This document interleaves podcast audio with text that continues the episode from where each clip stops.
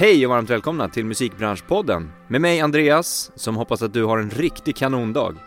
Fredag den 19 maj stängde ansökan till utbildningen Music Business Developer inför höstens start och vi vill tacka alla som har skickat in er ansökan. Vi är otroligt glada över att ha fått in 138 stycken ansökningar till de 35 platser vi har på utbildningen. Nu påbörjas en urvalsprocess tillsammans med ledningsgruppen där vi 7 juli kommer att skicka ut antagningsbesked. Så stort lycka till till alla er som har sökt. Veckans gäst har inte bara ett otroligt driv och riktigt bra tänk när det kommer till sin mailkorg. Han jobbar dessutom som manager åt några av Sveriges största artister. Häng med i ett spännande samtal kring management, artistutveckling, lärdomar, utmaningar och mycket mer. Häng med i ett samtal med fantastiska Anders Johansson. Varmt välkommen Anders Johansson. Tack. Kul att ha dig här. Jätteroligt att vara här. Hur är läget? Jag mår bra. Ja. Jag tänkte så här bara, om du träffar någon som du inte har känt tidigare. Ja, Vad vi säger känner du? inte varandra. Nej, precis. Nej. Vad säger du att du gör då? Om jag frågar, vad gör du? Eh, artistutveckling brukar jag säga. Artistutveckling. Sitter jag på middagar brukar jag ljuga. Ja. Så då brukar jag säga att jag jobbar med försäkring. För jag Ah. orkar inte diskutera Spotify. Nej. Ja, den kommer alltid upp då eller? Ja, men den har ju coolat av lite. Men eh, under några år så jobbar jag på If. Jag förstår. Men annars, eh, om, det är någon eh, som inte, någon kille som ska förklara hur, hur man ska sälja musik. Ja, För det är alltid killar, det är aldrig tjejer. nej. Men- Men tjejer är mer ödmjuka och klokare än så. Eh, nej men artistutveckling är vad jag gör. Ja, För jag ser att det är det jag gör. Ja. jag förstår. Men du, du säger inte att du jobbar som manager? Det är väl det, liksom yrkesrollen så att säga, men det är artistutvecklingen som jag brinner för. Mm. Tar du bort den ur management, då, då, då vill jag inte vara manager. Nej, jag fattar. Kul. Eh, Vi ska prata lite mer om den här managementrollen. Vilka artister jobbar du med?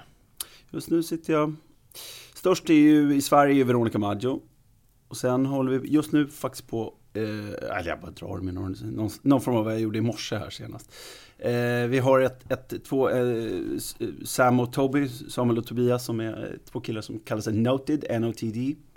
Som sitter och gör remixar och egna original nu, 16-18 år. I år har de streamat ett par hundra miljoner.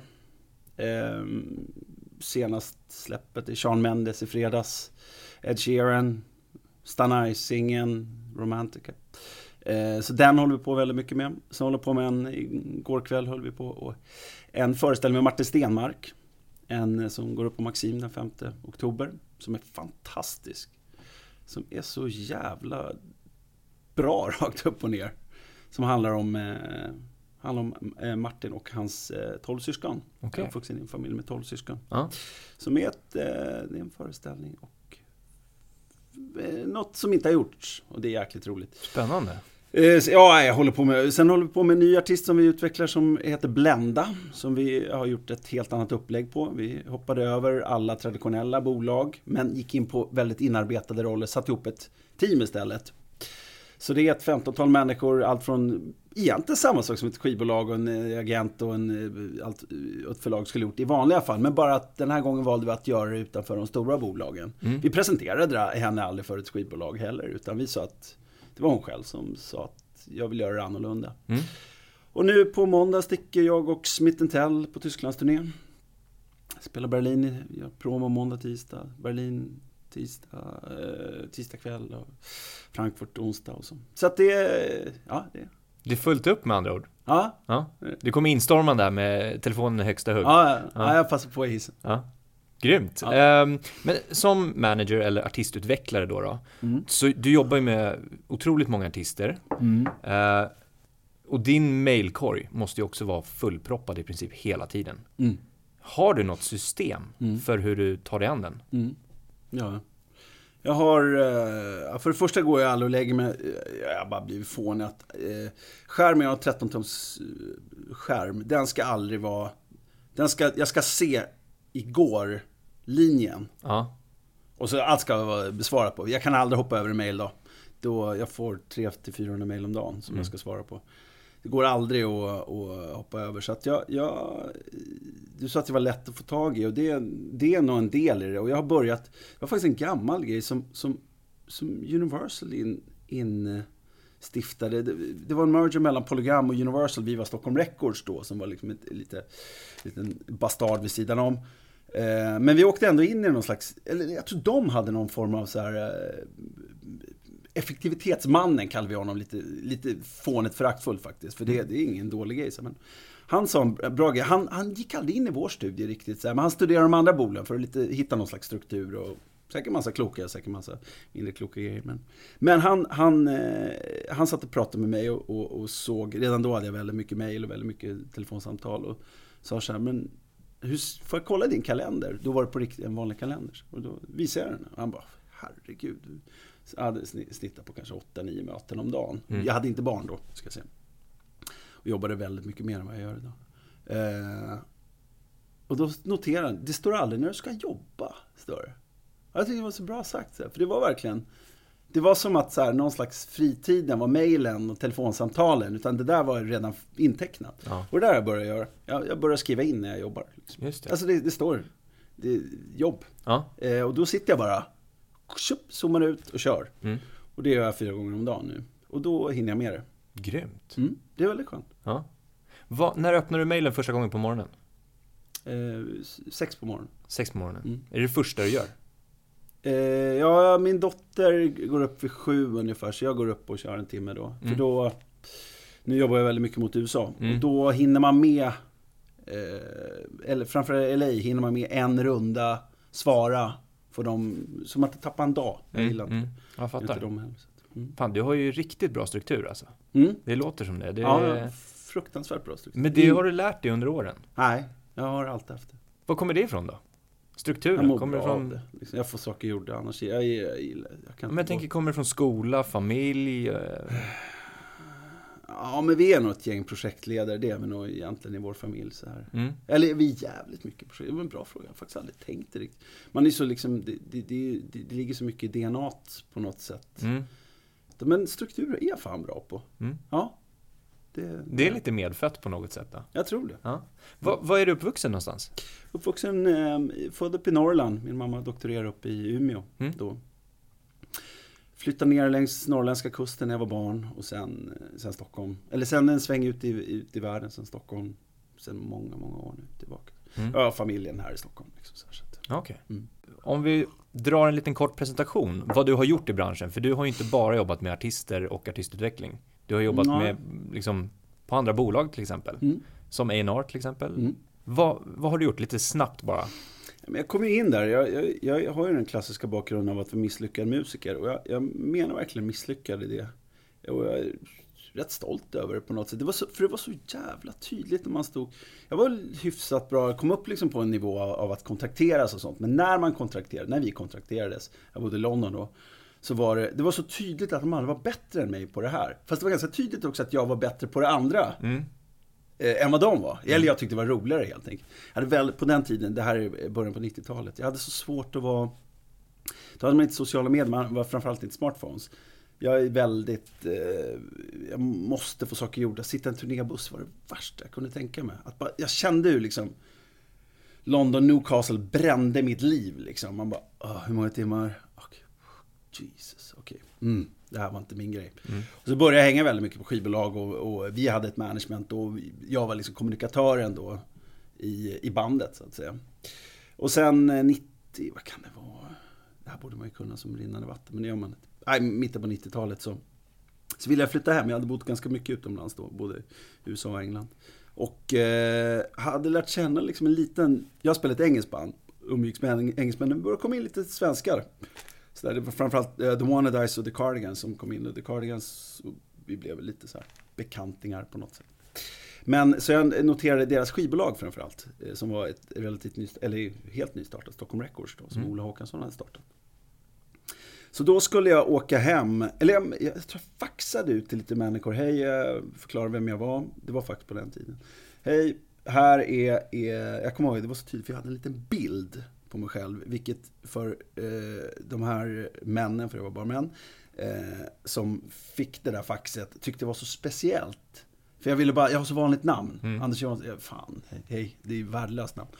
Jag liksom var tvungen av alla, liksom, det finns ju en egen Anders Johansson-hög här liksom. I Anders Johansson-högen måste jag kunna ha någon chans att sticka ut lite så här.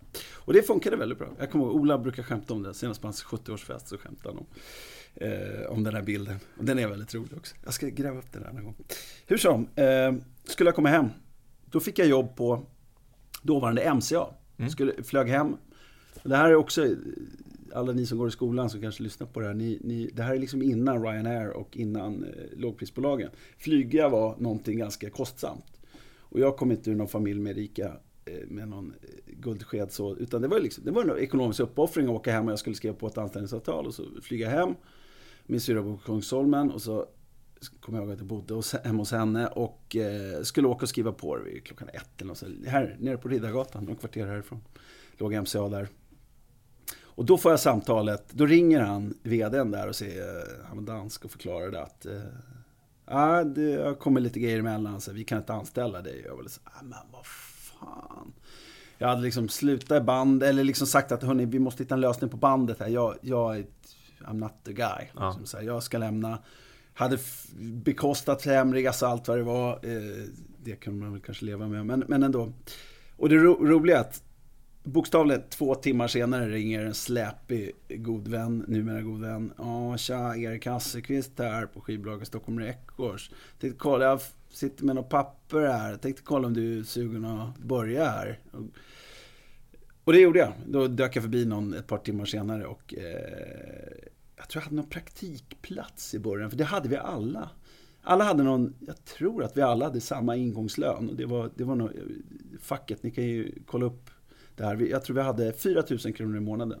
Så jag undrar vad vi levde av. Det var, vi var flera stycken som hade så när vi började. Oh, men vi hade inga pengar i det där bolaget. Eller liksom, hade, det var inte så här. Eller det fanns väl pengar, men Ola han är en smart människa och han själv hade inte heller Ingen hade höga löner. Liksom, utan vi var där av andra anledningar. Och det, Ola vill ha det så, jag tror vi vill också ha det så. Så sen, eh, men ganska fort där, det där gick ruggigt fort. Då jobbade jag med exploatering, alltså ta svenska artister utomlands. Att jag hade ganska mycket kontakter utomlands. Men eh, jag kommer ihåg det som bara någon månad senare stod det A&R på mitt visitkort. För jag och Ola klickade väldigt bra vad det gäller låtar. Vi är liksom egentligen struktur, arrangemang, produktioner, enkelhet versus svårighet, lättuggat versus eller kanske lite tjockare produktioner eller vad man vill kalla dem. Liksom. Eh, och sen då började jag jobba på Stockholm Records, eller Stockholm Label Group hette det just då, men, men det var liksom Stockholm Records som jag... Och sen lite senare så kontakterade jag några, som, några artister som blev eh, stora där och eh, Ja, sen körde vi det där tills bolaget såldes och, och, det var 2001 gick de sista delarna över. Och då fick vi förmånen att starta upp ett bolag. Vi hade en studio då som kallades för Janglers In som senare bytte namn till TEN som vi startade upp då samtidigt som vi fick ha lite vid sidan om. Men jag var, jag liksom, man kan väl säga att man såldes in i Stockholm Records eh, ska vi säga, företaget in till Universal på det sättet. Just det. Jag, hade säkert, jag kunde säkert komma ur det där. Men det, men det var roligt. 2001 var ett intressant år också. Eh, the year of the Napster. Verkligen. Det, liksom, det, det var då det, pluggen drogs ut. Mm. Och det är ju en för, alltså idag är det ju, vilken jäkla förmån att få vara med om det där. Fullständig kollaps. Mm. Det är liksom som att eh, vi sitter i en fin gamla, gammal byggnad på Östermalm. Tre av väggarna rycker bort och så ska taket hållas uppe.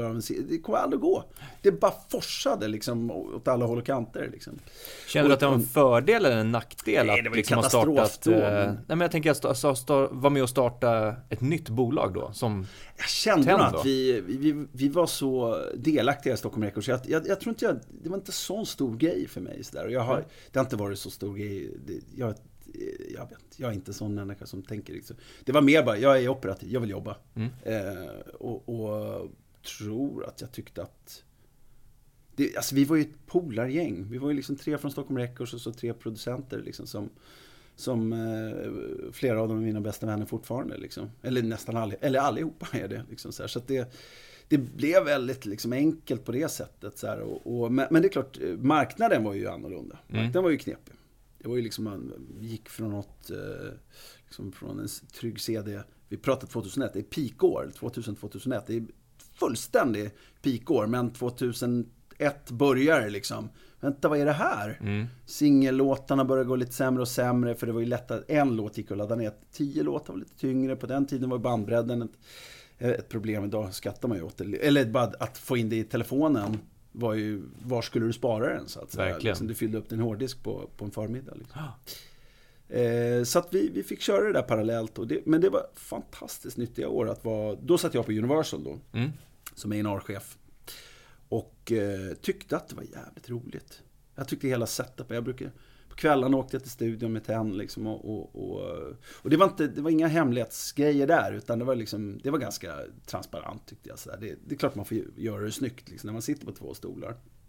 Men senare, 2000, ja, efter fem år där så kände jag väl lite sådär att Dels var jag, hade jag klättrat upp lite upp i, jag kände väl att jag liksom började nosa på ytterligare högre tjänst, eller liksom topptjänsterna. Mm. Och kände att jag inte ville det riktigt. Jag var såhär, nej men fan det här, jag, jag saknar verkligen att, att gå tillbaka och, och, och vara operativ med kunna alla låtar, kunna demorna, ku- kunna liksom, jag brukar säga att jag ska kunna spela alla låtar som vi ger ut. Mm. Och det är självklart ingen självändamål i det, men, men jag ska vara så insatt i att, du fan vänta, G-moll, är det verkligen en jättebra killtonart? Ah, fan. Höj den. Jag tror att det blir bättre. Jag tror, alltså sådana grejer, jag går in ganska mycket i kompositionerna på det. Aldrig att jag skriver, utan Nej. men jag bara att jag vill liksom fatta dem på något sätt. Och det, det där tappade jag greppet. Liksom. Så då när jag sa upp mig från, från, från Universal var det var ju inte planerat. Det var Condoleezza Rice var i stan. Eh, Hon var, hon var USA i krig. Eh, Condoleezza Rice var utrikesminister och eh, extremt uppassade. Det var ju, så de liksom hade flaggat upp Condoleezza Rice i stan. Ta inte bilarna till jobbet. Räkna med att stan är nedstängd. Ungefär så. Så jag klev upp tror jag fem på morgonen och, och jag var tvungen att ta bilen för jag skulle åka iväg utanför stan och det, jag fick inte upp logistiken annars. Och fastnade vid slottet, tror jag, vad kan det vara, tio över sex, halv sju på morgonen eller något sånt där. Och jag får en riktig sån här Michael Douglas falling down moment. Hade inte ätit frukost, hade inte... Så jag bara svänger av bilen, massa poliser lubbar fram och bara hej fan är det okej? Eh, Ja, fan jag har inte ätit frukost, jag är... Ja, ah, och han är så jävla fin den här poliskillen, han, han säger så här, fan du... Eh, vet du vad du gör? Här är mitt visitkort. Jag tar nyckeln och åker och parkerar bilen. Gå in och käka frukost nu så blir allting bra. Så, så här, gick jag in på ett café i Gamla stan och satt mig och käkade frukost. Och så textade jag min chef i London. Där jag skrev att eh, jag, eh, I'm out. Den gamla klassiska. Det ska göras någon gång Ja. Hollywood. Eh, så jag sa upp mig där. Och jag hade verkligen inte tänkt tanken. Jag hade ju gått och nosat på liksom att fasen ska man göra något annat. Liksom. Men då, nej jag måste göra det. Och då, eh, kort därefter, liksom, då låser ju sig det mesta. Liksom, att man säger, vänta, vad ska du göra? Ska du, vill du ha mer pengar? Och, nej, det är inte det. Jag måste göra min resa nu. Liksom. Eh, och eh, gjorde det. Per Sundin var på ingång då. Han, han hade inte tillträtt. Som, som, folk trodde alltid att jag och Per var så ovänner och sånt där. Vi kunde vara konkurrenter. Han var på Sony Universal. Självklart att vi var konkurrenter. Både han och jag är tävlingsmänniskor. Men vi funkade, det visade sig att vi funkade jävligt bra. Men vi jobbade aldrig ihop riktigt så. Men Per var den första så här, okej, vill du vara kvar? Nej, nej, jag måste gå. Bra, då gör vi någon annan lösning istället. Så han var den första att liksom anställa mig som konsult egentligen. Eh, så att det, hela den där tiden var egentligen, det var liksom inte så jävla dramatiskt annat än den där morgonen att jag inte råkade få frukost. Jag har en jävla ämnesomsättning så att jag, jag, jag, jag behöver äta. Eh, utan det bara gled över och sen liksom var det ett gäng artister då som Veronica och några till som var så här, ah, men vi, jag, vi går med Anders liksom så här, ni får hitta en lösning på det. Och gjorde det liksom, så då började vi, vi liksom fortsatte jobba på det sättet. Det var liksom inte så dramatiskt. Och sen eh, lite senare ändrades det där, växte in i liksom en managementform liksom, på något sätt. Men, men eh, och, och några år senare sålde jag till honom också, för de blev ganska lika i eh, jag höll mig mycket mer på den nordiska marknaden för att jag, var, jag fick barn och ville inte ha de här resdagarna som jag hade. Utan, eh, men vi jobbar ihop fortfarande och är bästa vänner. Men, men eh, ena bolaget ägde jag allting och kunde liksom göra precis som jag ville. Det andra var ett gäng människor som hade kloka och ibland inte så kloka åsikter.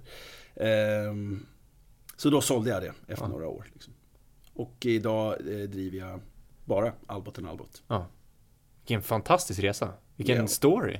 Ja, jag, vet inte. Jag sitter som klistrad där när du säger polisen Ja, ja, kommer det fram fanns ingen riktig- låter som så här dragna vapen. Ja, jag vet. Nej, nej, nej, nej jag kryddar lite. Underbart! Uh, jätteinspirerande att höra tycker jag. Vad, som du säger, du har gjort ganska mycket olika saker. Vad har varit det allra roligaste nu när du tittar tillbaka? Roligaste en och samma grej som har kommit, jag har haft förmånen att, att, att, komma tillbaka till det, när jag har en sån just nu. Det är faktiskt eh, gänggrejen, tycker Okej. jag.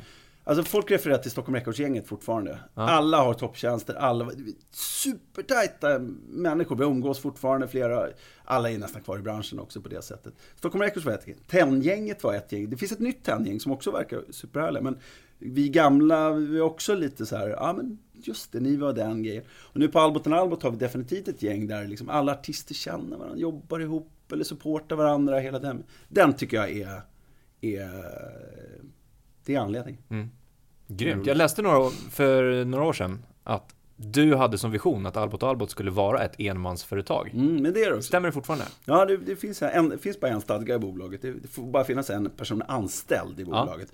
Sen kan man göra det där till någon slags... eh, Ja men plocka ihop teamet liksom Det gör man definitivt. säger. Ja. Så vi tänker konsulter jättemycket. Liksom, Ja. Men, men eh, anställd eh, måste jag ha bolagsstämma om jag ska ändra den. Det är Mm. bara jag. Mm. Så jag är anställd i mitt eget bolag. Så. ja, precis. Privatperson Anders Johansson är den enda som var anställd i Alboten Albot. Ja. Vad är det viktigaste lärdomen du har tagit med dig hittills i din karriär? Den är ju absolut inte slut på långa vägar. Nej, men... Jag tror de, för mig blir de ganska privata egentligen, de där grejerna. Liksom. För det, alltså de här, en bra låt, en bra låt, blablabla, hela de där. eh, Absolut, liksom. allt börjar med en bra låt. Jag köper alla de där. Men för mig tror jag det var egentligen en, en eh, Eh, jag hade två chefer som sa ungefär samma sak. Jag kan säga vilket. Faktiskt Ola och eh, min, min dåvarande chef som hette Theo Roos som var holländare från början. Eh, som sa att, Theo sa en sån bra grej till mig. Han sa att Anders, på den tiden var jag hopplöst oödmjuk och jag var så stressad och jag var så jäkla övertygad om att det fanns ingen annan. Jag tänkte inte så här, men jag agerade utifrån att det fanns ingen, min åsikt är den som gäller här på något sätt. Ola sa, han sa, fan Anders, du är den största fienden i den här grejen. Liksom. Så att du, är, alltså, du är skitduktig och kan jättemycket och eh, påläst och allt vad det är. Liksom. Men tänk att det, du, du jobbar ju med de bästa av en anledning.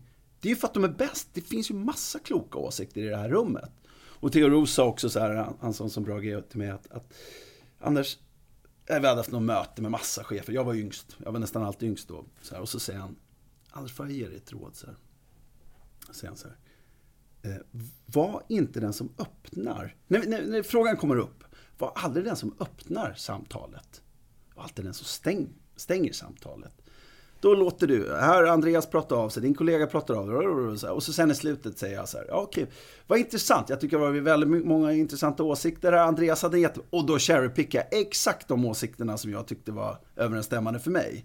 Var alltid den som summerar. Och det där är... Jag ser inte att man ska inte alltid göra så. Och det, det, det, det finns, det, det, det finns olika sammanhang för, för det. Men för mig var det en jäkligt nyttig lärdom som jag... Jag går och tänker på dem jätteofta, eller varje vecka jag går och tänker på så här, bara, mm, nej, jag sitter tyst. Och så plocka upp det där sen. Det var, mm. Men det är ju rent, det var ju en karaktärsbaserad. Har ingenting, det kunde ju hänt i vilken bransch som helst, men Mm. för mig var det viktigt.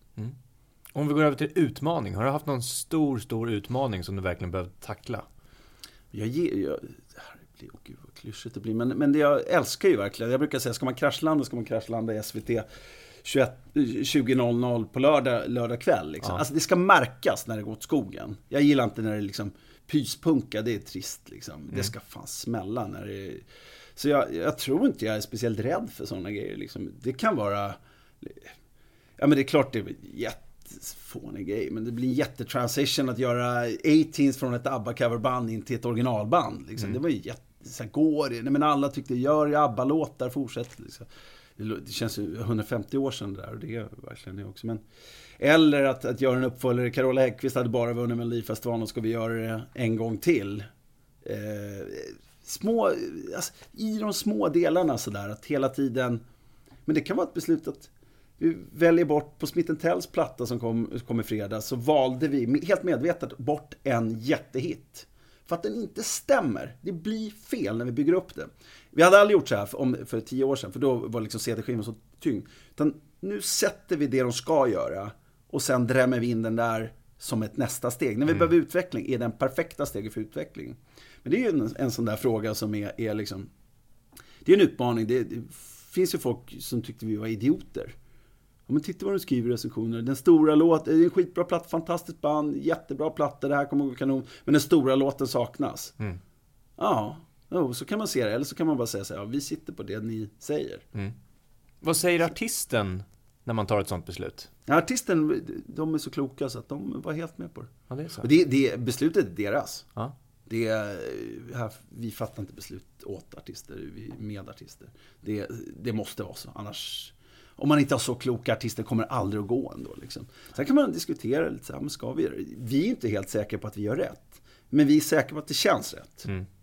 Och det, det, får räcka mm. på något sätt. Vi kommer ändå inte få svara på det. Har du åkt på något riktigt, riktigt bakslag i din karriär någon Massor. gång? Massor. Jag tycker varenda dag är fyllda av dem. Liksom. Men vissa dagar tar det ju mer än andra. Man ska inte hymla om det där på något sätt.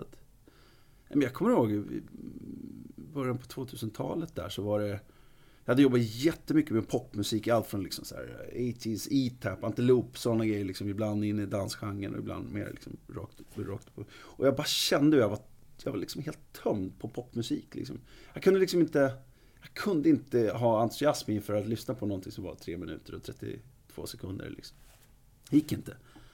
Och det, det, var, det var jobbigt.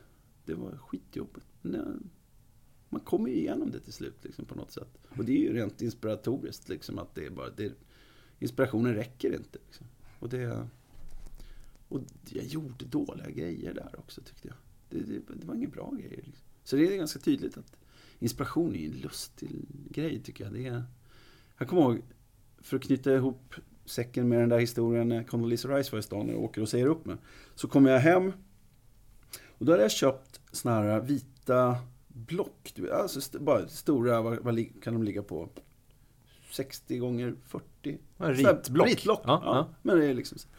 så jag började liksom, för jag, jag bara märkte att jag, jag, jag, hade ett behov av att tanka av min hjärna liksom på något sätt. Rent kreativt. Så jag bara, alltså såg ut som en seriemördargrej liksom. Det var bara cirklar och var, jag kommer ihåg, no, några som blev reella var så här, operastjärna, frågetecken, eh, kompositörer, nej. Stjärna, ja, stod det. Och det, den idén blev Malena Ernman sen. Liksom, att man säger, vänta. Och det, det, bara, det, det bara ner med idéer på det här blocket, fyra, fem sidor. Och det var så intressant, att för de där tankarna hade inte jag tänkt. För de var så, jag var så uppdämd i någon slags, eh, eh, bara få ihop överleva dagen på Universal. Mm. Det var skitkul på Universal, man lärde sig jättemycket. Men, men rent kreativt så hade inte jag tid. Så hjärnan hade de där grejerna, men jag hade aldrig tänkt tanken. Utan det var bara, det bara åkte som, som, som en som en robot ner på pappret. Jag har kvar den där fortfarande. Det gör jag varje dag kan jag meddela. Gör det? Mm. Ja. Varje dag. Plita ner alla tankarna mm. för att bara få ut det. Ja. Rensa på något sätt. Vårstäda mm. varje dag. Klokt. Det är mycket, mycket skönt. Man får uh, mycket utrymme för andra tankar då. Mm. Jag tänkte vi ska gå in på lite grann hur du jobbar som artistutvecklare slash manager. kanske ska definiera det där lite. Artistutvecklare behöver ju inte vara en manager och en manager behöver inte vara artistutvecklare. Nej, Men för mig går de väldigt mycket ihop. Ja. Det... Men på Albot Albot, som du säger, ni. Mm. Uh, ni är ett team och ni mm. kanske är olika personer på olika, med olika mm. Eh, projekt och mm. artister och så vidare. Uh, har du något specifikt sätt att lägga upp grunden för när man börjar jobba med en ny artist till exempel? Bra fråga. Alltså, det, det, det där är ju ryggmärgs Ja, men det där är ju, går ju fullständigt eh, på någon slags instinkt, de där besluten. Liksom. Mm. Eh, jag har aldrig tänkt tanken, men det är klart jag har det. Eh, det första är nog att man, man, man försöker leta och detekta de här uh, anledningarna varför man sitter här, så att säga. Alltså, vad var det som var unikt med Blenda? Ny tjej, jag släppte en singel. Varför gick, varför gick hon före i kön? Mm. Av 30-40-tal varje dag som söker, liksom, tycker att man ska kontaktera dem. Och den, den brukar variera. Mm. Den är liksom, det kommer nya låtar, ibland kan det vara låtar, det kan vara idéer, det kan vara ett sammanhang, det kan vara någonting annat. Liksom. Men, men eh, jag tror den är väl lite sådär att man börjar den, den är så fullständigt självskriven för mig, så jag tror jag är lite slarvig med att kommunicera den. Att jag är lite så här, men, men blända det där. Det, jag tycker det där är, det är här hennes selling point är. Mm. Det är här hennes unik, fullständigt unik, unika liksom förmåga eh, gör sig bäst. Och det är ju en tycke och smakfråga, men man, man, måste nog veta de grejerna tror jag. Lite så här, för att fatta vad som sen mynnar ut i marknadsplan eller musikvideo eller en produktion. Eller en, ett, eh, men annars är det nog väldigt baserat på människor. Liksom. Vi är ju tre stycken på Albot Albot. Eh, Karin Antonsson som slutar nu. Eh, hon går till Warner Chapel. Det är mitt stora problem att majorbolagen tar personal. Ja. Och så ska det vara. Jag tycker det är lysande. Hon är, hon är fantastisk kommer göra sig ännu bättre där. Men, eh, och Hank är kvar. Och så vi sitter och letar ny personal. Så mm. vet ni någon bra administrativ människa med kreativa förtecken så mm. Vi kastar ut det i podden. Kör det, släng ut det. Ja. Går du mycket på magkänsla när du ja, upptäcker det här? Jag är inte, jag, jag satt och pratade med, med en kollega som jobbar på Republic i New York. Han, han säger rakt upp och ner att, att de är, liksom, som han kallar det, research-based company. Och det är, det är inte jag. Jag går inte på followers, jag går inte på liksom... Eh, i, i, ibland har jag faktiskt tänkt tanken att jag ska börja göra det. För att det finns någonting i den där, i Sara Larssons relation till sin publik. Det är inte bara att hon är jävligt duktig och är, är, är, sjunger skitbra, liksom, Ten har gjort ett fantastiskt jobb. Utan det är ju även någonting, grunden är ju hennes sätt att attrahera entusiasm. Eller, mm. mm. ja, i, må, i många fall lite annan, kanske avarter på entusiasm också. Men, men den tror jag är liksom så här att, att, det finns ju någonting fint i att man kan tycka vad man vill om Jockiboi. Jag har aldrig sett Jocke, jag svär att jag visste faktiskt inte vem Jockiboi var. Men man måste ju säga att den där killen, jag ser ju det på min flickväns största tjej, hon, hon har ju liksom en relation till Jockiboi eh, på något sätt, hon, hon är 12 år. Och det är liksom, fan det där är ju en del i ett artisteri man måste i alla fall, man kan inte förringa Sen önskar jag att, att eh, det var någon annan Jockiboi kanske, om jag ska vara helt ärlig. Men eh, jag ska bli bättre på det där. Sen vill jag inte bli en sån här research-based människa, att man liksom bara sitter och slavar under den biten. För att vi, i vårt läge, det vi gör, i artistutvecklingsdelen, i det liksom första liksom, utvecklingsstegen, så kommer vi ändå få ett research-based Eh, förhållningssätt från skivbolag eller från andra människor. Framförallt i USA. Svenskarna tycker jag fortfarande går lite mer på, eller mycket mer på gut feeling. Amerikanerna är väldigt research-based. Liksom. Mm. Och det, det finns något bra i det. Men då vet vi, den där, det kommer ändå in i mixen lite senare. Men ibland kan det vara så att man förklarar det med Alina Devechersky skulle släppa Flytta på mig, Flytta på mig, Flytta på dig.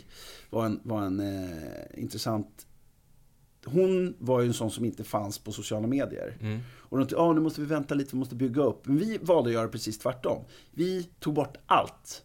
Så när P3 fick singeln, för vi visste att vi hade en smash, eller visste, men vi visste att vi hade någonting unikt. Så gick hon inte att hitta. Nej. Och idag, i dagens värld vet vi det som är, what the fuck, har jag skrivit en bokstav fel? Jag skapade ett större buzz. Ja, eller man blir ju sjukt nyfiken på en människa som inte är googleable. Liksom. Ja. Det är ju, eh, vilket värde alltså. Mm. Men idag är det ju omöjligt att bli, det, hon var ju googleable på 18 minuter liksom. Mm. Så fort den dök upp på en P3-spellista så var hon ju googleable. Så det är ju väldigt kort livslängd i den teorin. Men, men det är någonting sådär att, att eh, man kan ju vrida och vända på det också. Liksom, så Men tror du att den här alltså gut feeling-delen, att den har varit en del av din framgång? Ja, det, det, det, tror jag. Och det tror jag gäller för alla i alla branscher. Liksom. Så jag tror att det är någon, någon, någon sådär uh, tjurskallighet som det kommer med. Att fan, den är bra liksom. Mm. Men jag ska vara helt ärlig och säga att, att uh, under senare sen liksom de senare Spotify-åren så går jag mindre och mindre på gut feeling för den stämmer inte riktigt. Av den enkla anledningen att publiken är inte kompatibel med min gut feeling. För alltså Spotify-publiken, om vi, om vi bara går in på den biten. Mm. Festivalpublik lirar mycket bättre med min gut feeling. Liksom. Jag, jag, skulle kunna göra ett, ett, ett liveset åt ett band jag in, om jag kastas in i, spendera tre dagar med ett, så kan jag sätta upp ett liveset med ett band jag inte lyssnar på. För att det, det funkar på något sätt. Men Spotify är bökigare där, för det är en otroligt ung demografi som driver, och jag vet att Spotify inte håller med om det, men som driver frontline, som driver break-delen i nya låtar.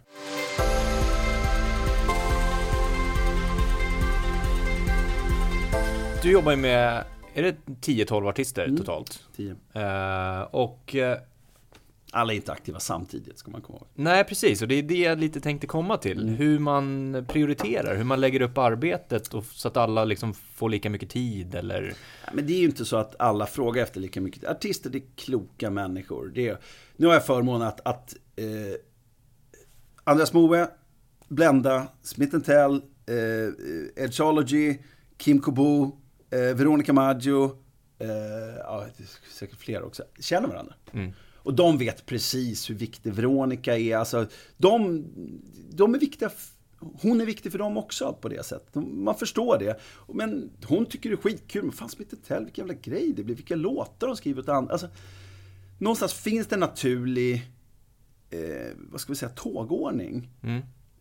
Men sen är det ju det enkla att, att den dagen man inte har tid att samma dag som Blenda skickar en ny låt. Om jag, ja jag ska lyssna och så går det två dagar och så har jag inte lyssnat på den. Så kan man inte ha det. Man, den där stunden när Blenda skickar iväg sin nya låt är allt för henne. Det är det viktigaste som fanns. Det där mejlet, att liksom, och det, det är en sån grej, jag kommer inte att tulla på den. För den, jag måste gå in, jag måste lyssna, jag måste feedbacka. Jag vill gärna, gärna göra det inom fan en timme. För jag, jag vet själv hur det är att sitta där. Ah, är jag bra eller dålig? Är det, liksom, det är ju bara min åsikt. Men nu frågar de efter min åsikt. De, de frågar efter många åsikter. Men, men det där, och den delen får aldrig försvinna. Och den är, jag har för många artister just nu. Men jag, jag, det, går inte att ta bort. Har du någon gång fått dåligt samvete för att du inte har prioriterat en artist? Eller känner att, ah shit, jag har inte lagt ner tillräckligt med tid? Absolut. Jag kan säga Daniel Breithold som numera är på Spotify, han, han hade ett jättebra band. Tillsammans med sin kollega. Eh, som 2001 tror jag, Danne du får rätta mig om du jag har fel. 2000 kanske var, gjorde en singel som var jättebra faktiskt. Det, idag låter de inte så bra som, som de lät då så att säga. Men som, som, eh, det var exakt när 18 bara smäller och jag är ute och åker i liksom, det är så här, fan jag skulle Ja, men den skulle jag vilja gett en chans till. Liksom så här. Det, det finns många, flera exempel, men jag brukar tänka på den. För det, det var så tydligt att den bara så här, whoosh, plötsligt är man liksom man in i en virvelvind och så är det liksom, även om jag försöker stoppa in den med jämna mellanrum så åker den bara bort. Liksom. Det är liksom, den där ska inte vara med i vår virvel, nu är du med i den här, tornadon. Inte in med den där singeln här. Liksom. Headbug heter låten. Den finns på Spotify. Gå in och stöd, lyssna. Ja, det måste vi göra. Ja, den är bra. Men vad tycker du utgör en bra manager? Vi har varit inne på det lite grann i och för sig. olika grejer liksom. Men att, att lyssna och se och stödja artisten är ju liksom, det är, det fullständigt fundament i det liksom. Man måste veta vem det är man jobbar för. Som jag, jag kommer tillbaka till, jag fattar inte beslut åt artisten. Jag fattar beslut med eller supportar artistens beslut. Det finns många beslut som jag inte är, är för. Men det, är- det är oväsentligt vilka de är. För det är inte jag som är artisten. Och den dagen det där börjar blandas ihop, liksom, då, då, då börjar det bli jävligt geggigt. Det, det, det tycker jag är... Och sen är det ju... Eh, alltså det är ju individer. Det är, alla har ju olika... Fatta vilken tid, vilken plats, vilket utrymme, vilket eh, så här... Eh, vilket space de ska ha för att, att, att, att skapa. Det är ju liksom om jag hoppar över lite från management in till det, liksom artistutveckling. Det är ju att ge, det är ju enkelt där. Ge dem bästa förutsättningar för att göra sina bästa grejer. Jätteenkel mening att säga, jättesvårt att praktisera. Men det är, det är ju fullständig förutsättning. De måste känna sig sedda, de måste känna att nästa låt, varje låt gäller på något sätt. Men också de måste känna att det finns en ärlighet att så här, mm, spännande låt men inte det bästa du har gjort i min bok. Liksom så här. Jag vill kunna vara helt transparent. Sen finns det olika, eller jag är, jag är alltid helt ärlig. Sen kommer jag alltid att vara ärlig med positiva förtecken för att jag jobbar med dem för att jag tycker de är det bästa vi har. Så jag kommer alltid, det kommer alltid att framstå som att eh, jag kanske tycker låten är bättre än vad jag egentligen tyckte. Men jag tycker att mina artister är, eller mina, men artisterna jag har förmånen att jobba med, är, gör skitbra grejer. Även när de gör dåliga grejer så gör de bra grejer. Ja. Är det att du ibland får bita dig i läppen någon gång när en artist kommer, eller har det hänt att en artist kommer med ett beslut eller en idé och du får bita i läppen och den verkligen brinner för det men du tycker nej, nej, nej, nej, nej, det här är inte bra. Vet du vad? Jag... Nej. Jag tycker vi har fattat felaktiga beslut. Mm. Men jag har aldrig varit så säker på att vi har gjort fel. För att det funkar inte så. Ingen människa är så fullkomlig att vi vet. Och vi vet fortfarande inte om det var rätt eller fel. Vi vet inte. Vi gjorde ju... Vi valde ju A, vi valde ju inte B. Så att, nej, folk måste vara ödmjuka och säga att vi inte, det där vet vi inte. Liksom. Det blir... Det blir geggigt i mitt huvud om jag går och tänker att jag... Däremot fanns det ju... Om jag själv hade haft 100% beslutsfattande så hade jag inte fattat det beslutet. Eh, så kan jag tänka liksom. Mm. Men jag är inte säker på att det resultatet hade blivit bättre. Nej. Det, det, det är jag verkligen inte. Tycker du att den managerrollen som den är idag, har den utvecklats mycket de senaste 15-20 åren? Ja, i Sverige har den ju utvecklats ofantligt mycket för, av den enkla anledningen att den fanns inte för 15 år sedan. Den fanns i någon slags enstaka men det var lite så här, några hade så här Janne Beijme, han var ingen manager, men han var liksom ekonomiskt ett ekonomiskt nav liksom i Per Gessle och alla de där. Liksom så här. Det var ju en form av liksom ekonomisk management. Och sen fanns det några management. Fanns, absolut, nu finns det massa människor som blir sura på mig för jag säger det här. Men det, de, och de ska ha all respekt. Det fanns jätte, några få jätteduktiga managers. Men sen var det väldigt många bokningsagenter slash, slash manager. Satt uppe på EMA, några på US och allt vad det var. Så här. Eh, men det här regelrätta att man liksom reppar en artist. Det är ju, för mig, har ju kommit de tio, tio senaste åren. Liksom, vilket är så jäkla härligt att se. För det finns en eh, det, det, finns en generation där ute och vi ser det. Vi har ju valt att dra igång då M, eller MMF, jag, som är managementforum för svenska managers, fackförening för managers. Mm. Jag har inte varit med där tidigare, jag, jag har hoppat in i någon form av styrelse nu. Och jag tycker det är skitkul att se, vi, vi har årsmöte, vad är det näst, om en och en halv vecka tror jag, något sånt där. Och vi har rekordmånga. När folk säger så, men hur många blir ni? 10-15 stycken så här. Nej, vi blir 50. Oj oh, jäklar. Okej. Okay. Och vilka är det? Vadå, är det hitta på managers? Det finns inga jävla hitta på managers. Här är listan. Bara att man, folk är lite naiva och säger så här, men vadå? Eh, en opera-manager. Det är väl lika mycket manager där. Liksom. Absolut. Vem har gjort skillnaden där? Att det är någon popmanager som räknar eller rockmanager? Nej, nej. Vi, vi kommer bli ännu fler på det där. Så att, och det hänger ju ihop. Det är ju inte bara liksom att det, det är en... Eh, I, I, min bok hänger det ihop egentligen med... Nu hoppar vi tillbaka till 2001 igen. Det som började krascha då var ju att man började dra ur pluggen, vattnet började forsa ur. Eh, mång, tidigare gjorde man väldigt mycket artiststilar, det vill säga skivbolagen finansierade upp allting. Men nu måste artisterna börja ta tag i sina egna karriärer och börja göra licensdealar. Royaltyn går upp, men ägandet ligger utanför skivbolagen. Mer och mer. Eh, nu, börjar man, nu går ju skivbolagen så bra, så nu börjar de ju komma tillbaka. Fan, kan inte jag få äga den där? Och så börjar jag säga, nej men jag ska äga min egen master. Idag är det ofantligt många mer artister som äger sin egen master än vad det var bara för 20 år sedan. Men i det så börjar det också komma, men vem ska sköta allt det här åt, åt och där, börjar, där finns en managerutmaning. Det är lätt att artister tycker att eh, men du kan väl köra min master också. Man bara, men vänta, nu blev jag skivbolag, förlag, eh, rättighetsinnehavare eller för, vad ska vi säga, företrädare. Och det där är lite farligt. Mm. För det, jag skulle gärna se att det kommer in en roll till där. Och jag, på sikt ska jag säga direkt, jag kan avslöja min, min pensionsplan är att jag vill hjälpa artister att när de får tillbaka sina mastrar ska jag sätta upp ett bolag som hjälper dem och se till att alla avtal är på plats, att vi förhandlar en helvetes bra deal med, med eh, distributörer eller hur, vad det kommer att vara just då. Kanske man gör direkt i det, vem vet. Och där artister har korta dealar, de kommer komma ut grejen, de har, äger allting, kontrollerar allting och eh, ett, vad ska vi säga, ett avräkningssystem det där är ett jätte, det kommer vara en jätteflaskhals med, med administration. För det gör så mycket eh, licensdealer och distributionsdealer som inte har täckning just nu.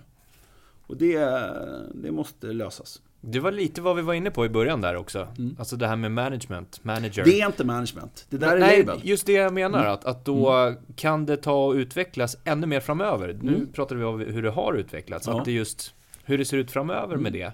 Att man behöver någon slags kreativ roll också. Mm. Uh, och någon slags entreprenörskapsroll. Mm. Eh, och i form Ja. av liksom att man, man Jag såg frågan, vi, jag sitter med papper för lyssnarna, jag sitter med papper med frågorna framför. Jag tycker inte att, att, att rollen är, eh, jag tycker rollen, jag tycker management är en ganska bra, jag, jag brukar kalla det management, tycker jag är lite bättre. Manager, det blir så personfokuserat. Management, det är liksom en, ett företrädande i det som jag gillar. Eh, även om det är hårklyveri säkert. Men, eh, men management tycker jag är en jättebra roll, men jag tycker att man ska lägga till några roller i det där. Som inte behöver vara management. Det kan vara att artisten i framtiden inte har management, men har för, eh, rättighetsföreträdare. Det är inte management. Det kan vara management, men behöver inte vara det. Känner du att det saknas någon kompetens hos de här eh, 50 till exempel managers, eh, som, alltså i det eh, mötet ni ska ha till exempel? Eller andra som du stöter på som jobbar med artister och kallar sig managers eller jobbar på management? Jag, jag, ty- jag tycker så här, jag tycker att eh, saknas kompetens. Det saknas enorm kompetens i mitt liv och det saknas säkert lika mycket i deras liv. Man måste fokusera på det de kommer in med. Vi måste titta på vad de kommer in med. Och när, vi när jag tittar på de här, när jag tittar på den här 50-60 personers listan. Det är flera av dem som jag måste kolla upp vad de har gjort så att säga. Det, det ska jag inte hymla om. Men när jag tittar på det så, fan vad de här människorna är duktiga att hitta perspektiv som jag inte har. Sättet de har byggt upp en, kalla det en rörelse eller sätta, det är fantastiskt. Självklart har de stora brister också, för det, det har vi alla. Men det, det, det, jag skulle inte säga att de har fler brister, de har bara andra brister. Och det är därför en förening måste finnas. Och vi, vi säger rakt upp och ner att vi måste, vi måste få struktur i den här branschen. Vi måste ha en enad röst. Vi ska inte ha enad röst i allt. Vi ska bara ha en enad röst i det vi är enade om. För det där är vanligt bekymmer när man startar sådana här organisationer. Det är att man ska vara så överens om mycket. Managers, det ligger inte i sakens natur att vi kommer vara överens. Det, det, det kommer det aldrig vara. Men däremot finns det några grejer som vi kom, ska vara överens om. De ska vi enas och fightas för och sen ska vi hjälpa varandra.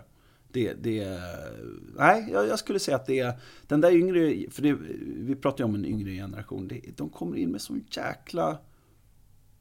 Det går inte att sitta som en liksom 43-årig vit man i innerstan och, och säga att de gör fel. Nej, det, det, det är inte så. Nej. Nej men De inte- bara jobbar annorlunda. Ja, precis. Men be- behövs det någon grundläggande liksom, nivå på kunskap? Absolut. Men det är ju därför, ja, men det ni gör, det är liksom musikmakarna, även om det är musikproduktion och det, det är liksom Hultsfred gjorde ett tag och liksom Campus i Nyköping. Det är fullständigt avgörande skulle jag säga. Liksom. För oss, för alla kan inte vara lyckligt lottade som jag kanske, som, som liksom, jag har ju en akademisk bakgrund, i, men sen har jag haft ment- mentorer som har varit liksom min ryggrad. Liksom. Och det är ju, gissar jag, alltid bäst. Men det, det går, rent matematiskt får vi inte ihop det så. Liksom, så här, och, man hoppas väl kanske ändå att man liksom är lite åt det själv på ett sätt. Men, men eh, den matematiken går inte ut, därför måste det finnas definitivt att det ska finnas eh, skolor. Och det, jag menar inte bara att, jag menar går man in i USA till exempel, där har ju man advokaterna som är jättetunga på liksom att sätta, deala, presentera grejerna. Men i USA är det så. Ja. Min advokat, han shoppar det där som en jävla galning när han hör en bra låt vi spelar upp liksom. Så att det, det, jag, jag eftersöker ju att det kommer in fler kompetenser. Att det, jag själv liksom media, journalist, liksom, inriktning. Den är en jättebra del, men sen tycker jag det vore kul med fler jurister, det vore fler, kul med fler ekonomer, det vore kul med, med folk som kanske kommer ur en showbakgrund. Som bara eh, fullständigt så här bryr sig inte om recorded, bryr sig bara om konsert. De finns, men de, det är roligare om det blir fler. Låter som du har en otroligt spännande tid framför dig. Du har massa visioner, du har mycket folk omkring dig, du har idéerna. Ja, det, ja, Det låter ju spännande. ja, det är det. Verkligen. Jag tänkte om vi ska gå in på lite så här äh, tips. Mm. Till folk som blir inspirerade av dig eller som har funderat på att jobba med management. Mm. Vad skulle du ge för tips? Du får tre stycken. Mm. Ja, men det, det första är väl egentligen liksom så här, rannsaka dig själv och fundera verkligen på vad dina styrkor är. Och jobba, jobba, jobba med dem. Liksom. Lägg inte för mycket tid på, på, på, i, i början på, på svagheter, för vi har alla svagheter. Det är som jävla fokusering på att liksom så här, äh, notera dem hos varandra. Det är liksom, vi lever i lite en sån tid. Liksom, så här. Men försök verkligen för, jag menar, en, en, styrka och en svaghet är inte lika mycket värda så att säga. Det kan ju vara att styr, styrkan är 90% och svagheten är 10%. Då kommer du komma framåt så att säga. Det är när de är värda 50-50, både gas och broms är lika mycket, då står bilen still så att säga. Så lägg tiden på det du är bra på. Men se till att det du, det du märker att du inte är bra på, fyll på med kompetensen. Liksom. Tro inte att man gör det själv. Liksom. Det, det, det är jättevanligt problem att det är någon slags solo solokarriär som manager, den är jag inte någon stor fan av. Liksom. Av den enkla anledningen, för mig har det inte funkat. Liksom, så Och sen tycker jag den andra grejen, det, det är ju, alltså, lev i verkligheten. Dagens verklighet är ju fantastisk. Jag önskar ju på ett sätt att jag började idag. Eh, jag menar, alla har ju lika, exakt samma tillgång till information som jag har. Det är nästan så att jag, jag menar, när L.A. Reid får sparken från, från Epic i förrgår så läs, jag får inte det från någon på Epic eller något, utan jag läser i Billboard. Mm. Eller vad det är liksom så här. Så det är ju exakt samma information. Så att egentligen har du ingen anledning att säga att du inte är informerad. Du har exakt samma, se till att utbilda dig. Alltså, vad heter det? Läs på. Mm. Håll dig uppdaterad. Håll dig uppdaterad liksom. Och sen tycker jag att det, det, det är någon slags tidens tecken också. Det kanske hänger ihop med verklighetspunkten. Men det är liksom, försök i stö, största möjliga mån liksom att, att var ödmjuk, tänk positivt på något sätt. Försök undvika, hade jag kunnat undvika mina jobbiga år så hade jag gärna, jag hade med glädje tagit bort dem. Visst, det finns säkert en och annan vinst i det där. Men förlusterna är större. Bara se till och liksom bara... Jag, jag tycker att, att det blir någon lite större holistiskt perspektiv. Att, att jag tror att världen mår väldigt bra av det. Och jag tror att branschen och jag tror att sakkunskapen, jag tror att liksom situationen vinner på den delen. Det innebär inte att man inte är hård i nyporna eller något sånt. Det är bara en, en tonal grej. Hur är det man kommunicerar? Och den, eh, ja, den, den skulle jag ha sagt oavsett vad det är man pratar om. Det tror jag skulle vara tre tips. Kanonbra tips. Mm. Super. Otroligt spännande att uh, prata med dig. Detsamma. Jättekul att ha med dig i podden. Mm. Vad har du för utmaningar framöver nu? Men det blir, man kryper ju tillbaka på, på liksom... Eh, jag vill... Blenda har en fantastisk singel som är Mama Mojo, mm. som ska ut. Ni som har sett den live, det är låten de spelar sist. När, när klubben går från en konsertlokal till en klubb. Den låten måste ut på bästa möjliga sätt. Men det är, alltså alla projekt har ju fan, vi gör det liksom. Vi ska hitta en första singel till Noted Eh, som de, vi håller på och letar och de sitter och skriver med. Varje projekt, det är det som är fördelen med det här. Liksom, att det kommer ju... Nej, det kommer ju aldrig ta slut på utmaningar. Det, så är det ju bara. Spännande. Mm. Stort tack Anders. Tack själv.